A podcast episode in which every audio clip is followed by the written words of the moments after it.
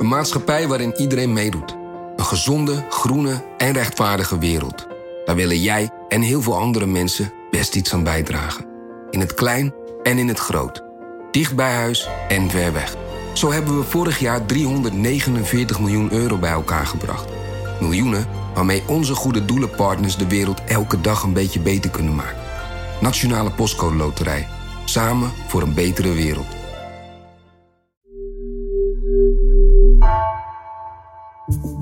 Vanaf de redactie van NRC het verhaal van vandaag. Mijn naam is Egbert Kalsen.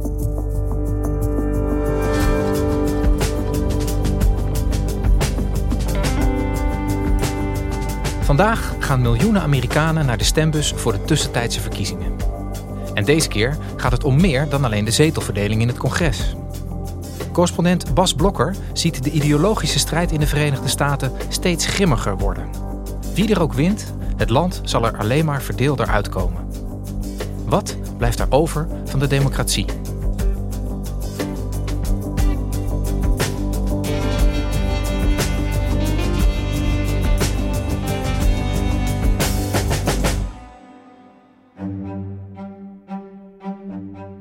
Bas, vandaag gaan er weer uh, miljoenen Amerikanen naar de stembus om te stemmen voor het congres, hè, als ik het goed heb.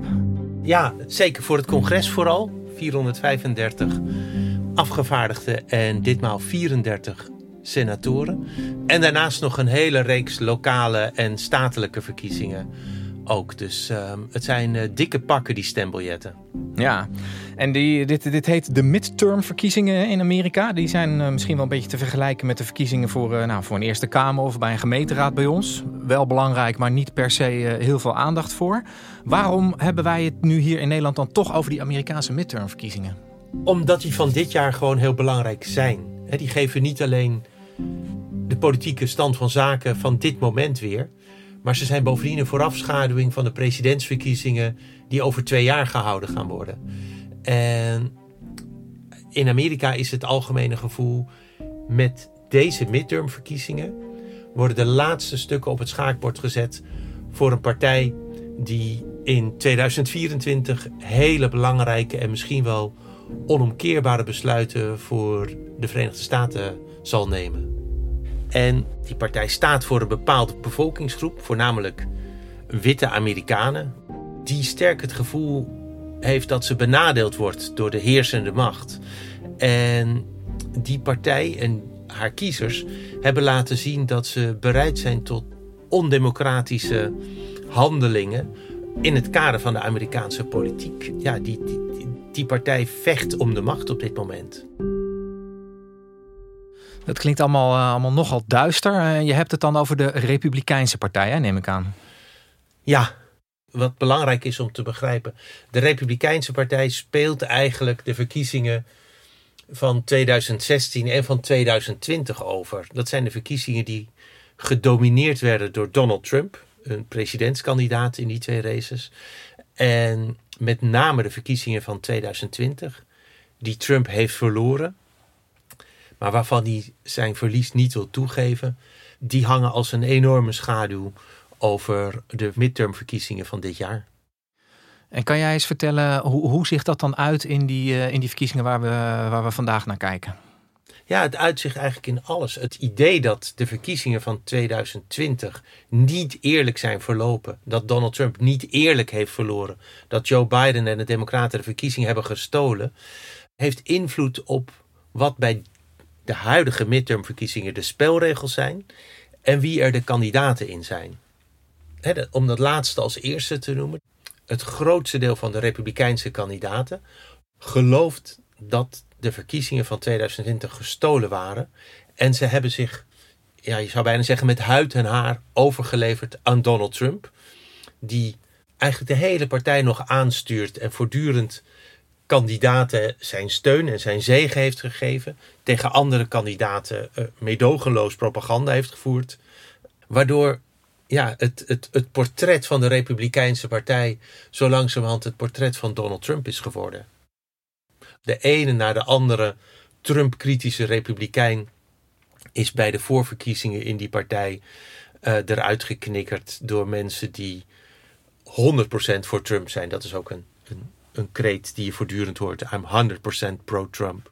Republican Chris Matisse, a true conservative, 100% pro-Trump. En wat er dan overblijft is uh, aan republikeinse kant uh, een, een, lijst met, uh, met mensen die in, in Trump zijn, zijn zak zitten. Wat, wat voor soort kandidaten levert dat nou op? Nou ja, het, het levert een heleboel normale politici natuurlijk op die nu alleen radicale ideeën verwoorden. Een van de opvallendste is Herschel Walker, een oud American voetbalspeler die in de staat Georgia kandidaat is voor de US Senate, dus die senator wil worden en dan de landelijke politiek wil helpen controleren. Steengoede quarterback, nul politieke ervaring. En iemand uit wiens verleden uitspraken zijn overgeleverd als, als deze. Now think about this, because at one time science said man came from apes. Did it not? If that is true, why are there still apes? Als mensen van apen afstammen, hoe kan het dan dat er nog apen zijn? Weet je, dat disqualificeert iemand echt niet voor de politiek in het algemeen. Het zegt wel iets over hoe die man in elkaar steekt. En dan moet je weten dat Herschel Walker achtervolgd wordt door schandalen uit zijn verleden. For years, he has repeatedly criticized black men who leave their children. But tonight, Georgia's Republican nominee for U.S. Senate, Herschel Walker, is admitting that he has a 10 year old son who he didn't raise. Just a day after news broke that Walker had a secret 10 year old son, the Daily Beast discovered that Walker actually has two more additional children he has never publicly acknowledged. Bij de, de, de thema's die hij aansnijdt, heeft hij het over het gezin als hoeksteen van de samenleving. Blijkt dat hij vier kinderen bij drie of vier verschillende vrouwen heeft. Dat hij een van die vrouwen gedwongen heeft tot een abortus. The woman whose identity was not published provided the Daily Beast with a receipt for the procedure, a get well card, and an image of a $700 check allegedly signed by Walker. Terwijl hij een kandidaat is die zich sterk maakt voor een verbod op abortussen. Maar als je de ondervragingen ziet van zijn kiezers, van de Republikeinse kiezers, dan maakt het hen helemaal niets uit. Ze geven geen sier om het feit dat hij schandalen heeft die zeg maar, twee decennia geleden elke politicus zou disqualificeren. Want ze zeggen: wij willen dat hij het wordt. Wij willen niet dat de Democrat het wordt, wij willen dat de Republikein het wordt. En dat tekent de verkiezingen van nu. Het gaat erom dat je je tegenstander verslaat. Het gaat er eigenlijk niet om wat voor beleid er straks wordt gemaakt.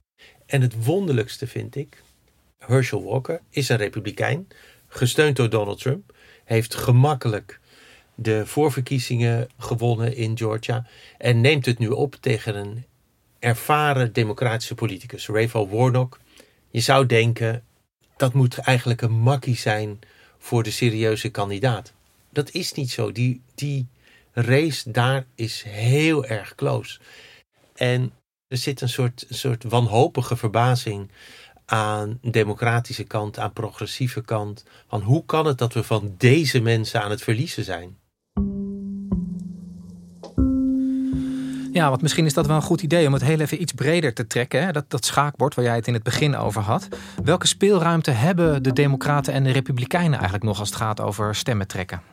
Ik sprak een tijdje geleden een Republikeinse consultant. En die legde mij uit dat de oude politieke werkelijkheid uh, was dat je ruwweg 30% van de kiezers had die voor de Democraten waren.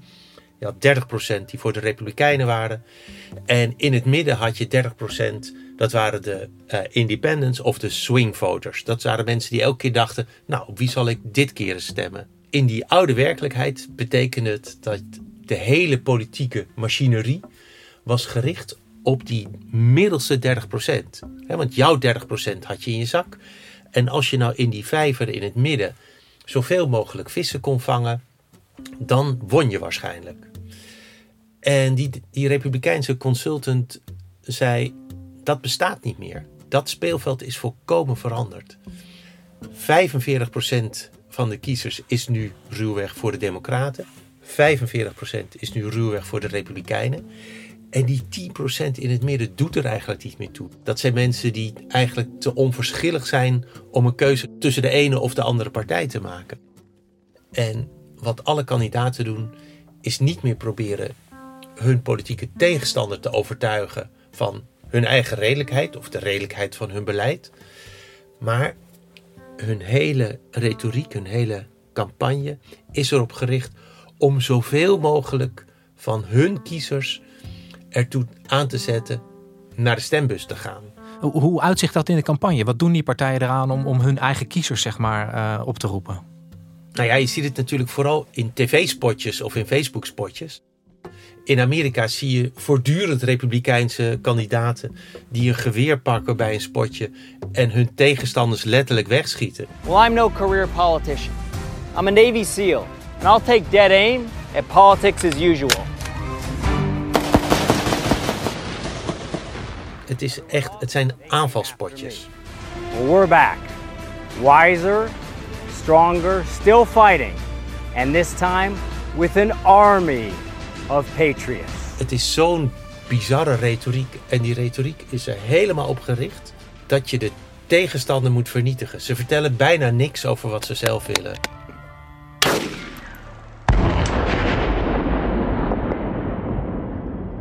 En dat zijn dan de aanvallen van de Republikeinen op, op de Democraten. Hè? Wat jij beschrijft, hoe reageren die Democraten erop? Wat zetten zij daar tegenover? Nou ja, de Democraten doen hetzelfde. Die hebben ook door dat het belangrijkst van de verkiezingen niet meer is. Kunnen we mensen in het midden overtuigen, maar kunnen wij onze eigen kiezers ertoe brengen om naar de stembus te gaan? Dus dat doen zij. En zij, kijk maar naar de retoriek van de president en ook van oud-president Obama. Die zeggen: de democratie staat hier op het spel. You heard, you heard our president talk about the stakes in this election. Truth and facts and logic and reason and basic decency are on the ballot. Democracy itself is on the ballot. The stakes are high. Zij, dat zijn de Republikeinen, willen onze democratie om zeep helpen. Wij moeten winnen, anders is het land weg. De Republikeinen zeggen precies hetzelfde. Als wij niet winnen, is ons land weg. Ik sprak onlangs een hele gepassioneerde democratische politiek denker. En die zei: Ja, toen ik zelf nog meedeed als afgevaardigde, werkte ik samen met Republikeinen om te zoeken naar redelijke voorstellen, naar compromissen. En hij zegt: Dat kun je niet meer doen. Dat moet je niet meer doen. Je mag niets van de Republikeinen steunen, omdat je anders de Republikeinen steunt. Dus ja, je hebt eigenlijk, um, het, het, is niet zo gezellig om te zeggen, maar je hebt een vrij apocalyptisch strijdperk dat, uh, dat wordt klaargelegd. En de retoriek die past daarbij. Want dat lijkt een beetje op een, op een race to the bottom. Hè? Als de een negatief begint te praten, dan moet de ander daar nog meer negativiteit over de ander dan weer tegenover zetten. Is er nou helemaal geen ruimte meer voor redelijkheid in zo'n campagne? Ja, het gekke is, als ik het aan de Amerikanen vraag, dan snakken ze naar redelijkheid. Dan zeggen ze voortdurend: Ik wou dat ik weer gewoon met mijn buurman kon praten. Maar in hun stemgedrag zie je dat niet. In hun stemgedrag zijn beide partijen ja, behept met het, met het idee dat de tegenovergestelde partij het land uh, naar, de, naar de kelder wil jagen. En ze zijn ook voortdurend bang voor het geweld dat onder deze verkiezingen zindert. Daar zijn ze bang van. Ik sprak deze week een heel republikeins echtpaar over hoe zij uh, last hebben van inflatie. En ze zeiden van ja, it's going to get nasty. Het wordt, het wordt ellendig. Ik zei, wat bedoel je? Ze zei, nou, als de democraten straks de verkiezingen weer stelen... Hè, want dat geloof zij van 2020... als ze die verkiezingen weer stelen, dan wordt het echt smerig hier. Met andere woorden, dat, ja, dat voelt als een dreigement. Aan de ene kant, ze dreigen ermee en ze zijn er zelf bang voor. En waar zijn ze dan precies bang voor? Wat, wat is dat, dat nasty? Ze zijn aan de ene kant bang dat de democraten zullen winnen. En dan zeggen ze van ja, um, als de democraten winnen mag ik niks meer zeggen wat ik denk. Dat, dat hoor je ook heel erg veel. Als de democraten het voor het zeggen krijgen, dan, wordt, dan worden de belastingen idioot verhoogd. Dan geven we al ons geld aan Oekraïne. Voor dat soort dingen zijn ze bang. Ze, ze vrezen echt dat het een Amerika wordt waarin zij niet meer thuis zijn of zo. Ja, onder een heleboel republikeinse retoriek ligt het idee dat de ouderwetse, door witte mannen gedomineerde samenleving die Amerika heel lang was, dat dat eigenlijk de perfecte samenleving was. Zij willen nooit iets weten van de mogelijkheid dat zwarte Amerikanen last hebben van systematisch, van structurele ongelijkheid en racisme. Dat, daar, daar willen ze gewoon niet aan. En dus is elke poging om dat te adresseren in hun ogen een bedreiging van de samenleving waar zij naar verlangen. En omgekeerd voor de Democraten, die zijn als de dood dat de Republikeinen straks mensen gaat verplichten om de hele tijd met de, de, de, de hand op het hart de Pledge of Allegiance op te zeggen en om uh, voor de vlag te salueren en al dat soort hele ouderwetse uh, noties van patriotisme verplicht te stellen en geen ruimte te laten voor afwijkende opvattingen of levenswijzen. En als we dan nog even naar de dag van vandaag gaan kijken, Bas. Um, die tweestrijd en die angst die uh, gezaaid wordt, vertaalt die zich nou ook in uh, nou ja, eigenlijk de bedoeling van die twee partijen dat er heel veel mensen naar de stembus zullen gaan voor deze congresverkiezingen? Ja, nou en of. Vandaag is de verkiezingsdag, maar in Amerika wordt een paar weken tevoren de mogelijkheid geopend om alvast je stembiljet naar het verkiezingsbureau te brengen of op de bus te doen. Dus er hebben al een heleboel Amerikanen gestemd op dit moment. Dus alles bij elkaar met die vroege stemmen en met de mensen die vandaag komen, wordt een heel hoge opkomst verwacht. Hey, en altijd een beetje gevaarlijk om dat op de dag zelf nog te doen. Maar wat, wat, wat zeggen de peilingen? Wat is de verwachting van de uitkomst? Ja, de peilingen zijn vrij helder. Namelijk dat de Republikeinen een meerderheid gaan veroveren in het Huis van Afgevaardigden. En, en als we er voor het gemak dan even vanuit gaan dat de Republikeinen inderdaad die meerderheid in het Huis van Afgevaardigden naar zich toe gaan weten te trekken. Wat, wat, wat betekent dat dan voor de, voor de laatste twee jaar van, uh, van het presidentschap van Joe Biden? Ja, nou, dat, dat is denk ik het einde van het, het feitelijke einde van het presidentschap van Joe Biden. Kijk, als ze dat doen, hebben ze al aangekondigd. Ze gaan zich eigenlijk helemaal niet druk maken om eigen beleid. Ze gaan zich, ze gaan routineus de voorstellen van Joe Biden proberen lam te leggen en van de Democraten. Het belangrijkste wat ze willen doen is een reeks aan parlementaire onderzoeken in gang zetten waarin ze de Democratische Partij zwart willen maken. Sommigen hebben al gezegd dat ze president Biden willen proberen af te zetten in een impeachmentprocedure. Ze willen een impeachmentprocedure opstarten tegen minister van Justitie Mary Garland, omdat hij zoveel onderzoeken naar Donald Trump heeft laten doen. Ze hebben gezegd dat ze een parlementair onderzoek willen starten naar de zakelijke handel en wandel van Hunter Biden, de zoon van de president, om de president te beschadigen. Dus um, uh, democraten zeggen dat wordt een clownshow. Een land waar, uh, waar obstructie en stilstand gevierd wordt als een overwinning. Waar de politiek duister en uh, nou in jouw woorden ook apocalyptisch af en toe uh, overkomt. Hoe, hoe, loop jij daar rond nu? Nou, um, ik loop hier nog altijd blij rond. Maar ik ben natuurlijk ook als verslaggever bij de bestorming van het Capitool geweest. Ik zag toen Trump nog aan het speechen was, al allemaal mensen staan in militaire camouflagekleding. Met grote knuppels op zak en rugzakken waar ik toen van dacht, er kunnen ook vuurwapens in zitten. Ik dacht dus steeds, ja, straks gaan ze schieten. Nou ja, dat is wat sommige republikeinen en milities al geloven. ze hebben, toen is er eigenlijk verrassend weinig vuurwapengeweld gebruikt. Maar ze zeiden na afloop allemaal tegen elkaar... als ze toch eens geweren hadden gehad... dan was dit allemaal heel anders afgelopen. Dus ja, um, maak me eigenlijk twee zorgen. Als de republikeinen winnen maak ik me zorgen over de mogelijkheid dat al die stukken op dat schaakbord gaan proberen om de vrije verkiezingen buitenspel te zetten. Om het, om het stemrecht van hun tegenstanders te beknotten. Om bij telling te manipuleren. Dat is zorgwekkend voor de democratie. Als de Republikeinen onverwachts toch niet winnen vandaag en de uitslag zullen we in de loop van de week wel krijgen. Dan ben ik vooral bang dat Republikeinse kiezers dit helemaal niet accepteren. En nu met een ja, veelvoud aan geweld en een veelvoud aan mensen hun, um, hun proteststem zullen laten horen. En dan vraag ik me af of het bij knuppels en uh, boze leuzen blijft.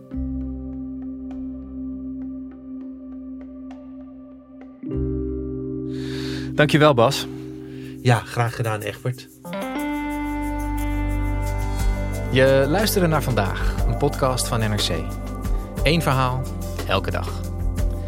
Deze aflevering werd gemaakt door Anna Korterink en Jeppe van Kesteren. Dit was vandaag, morgen weer.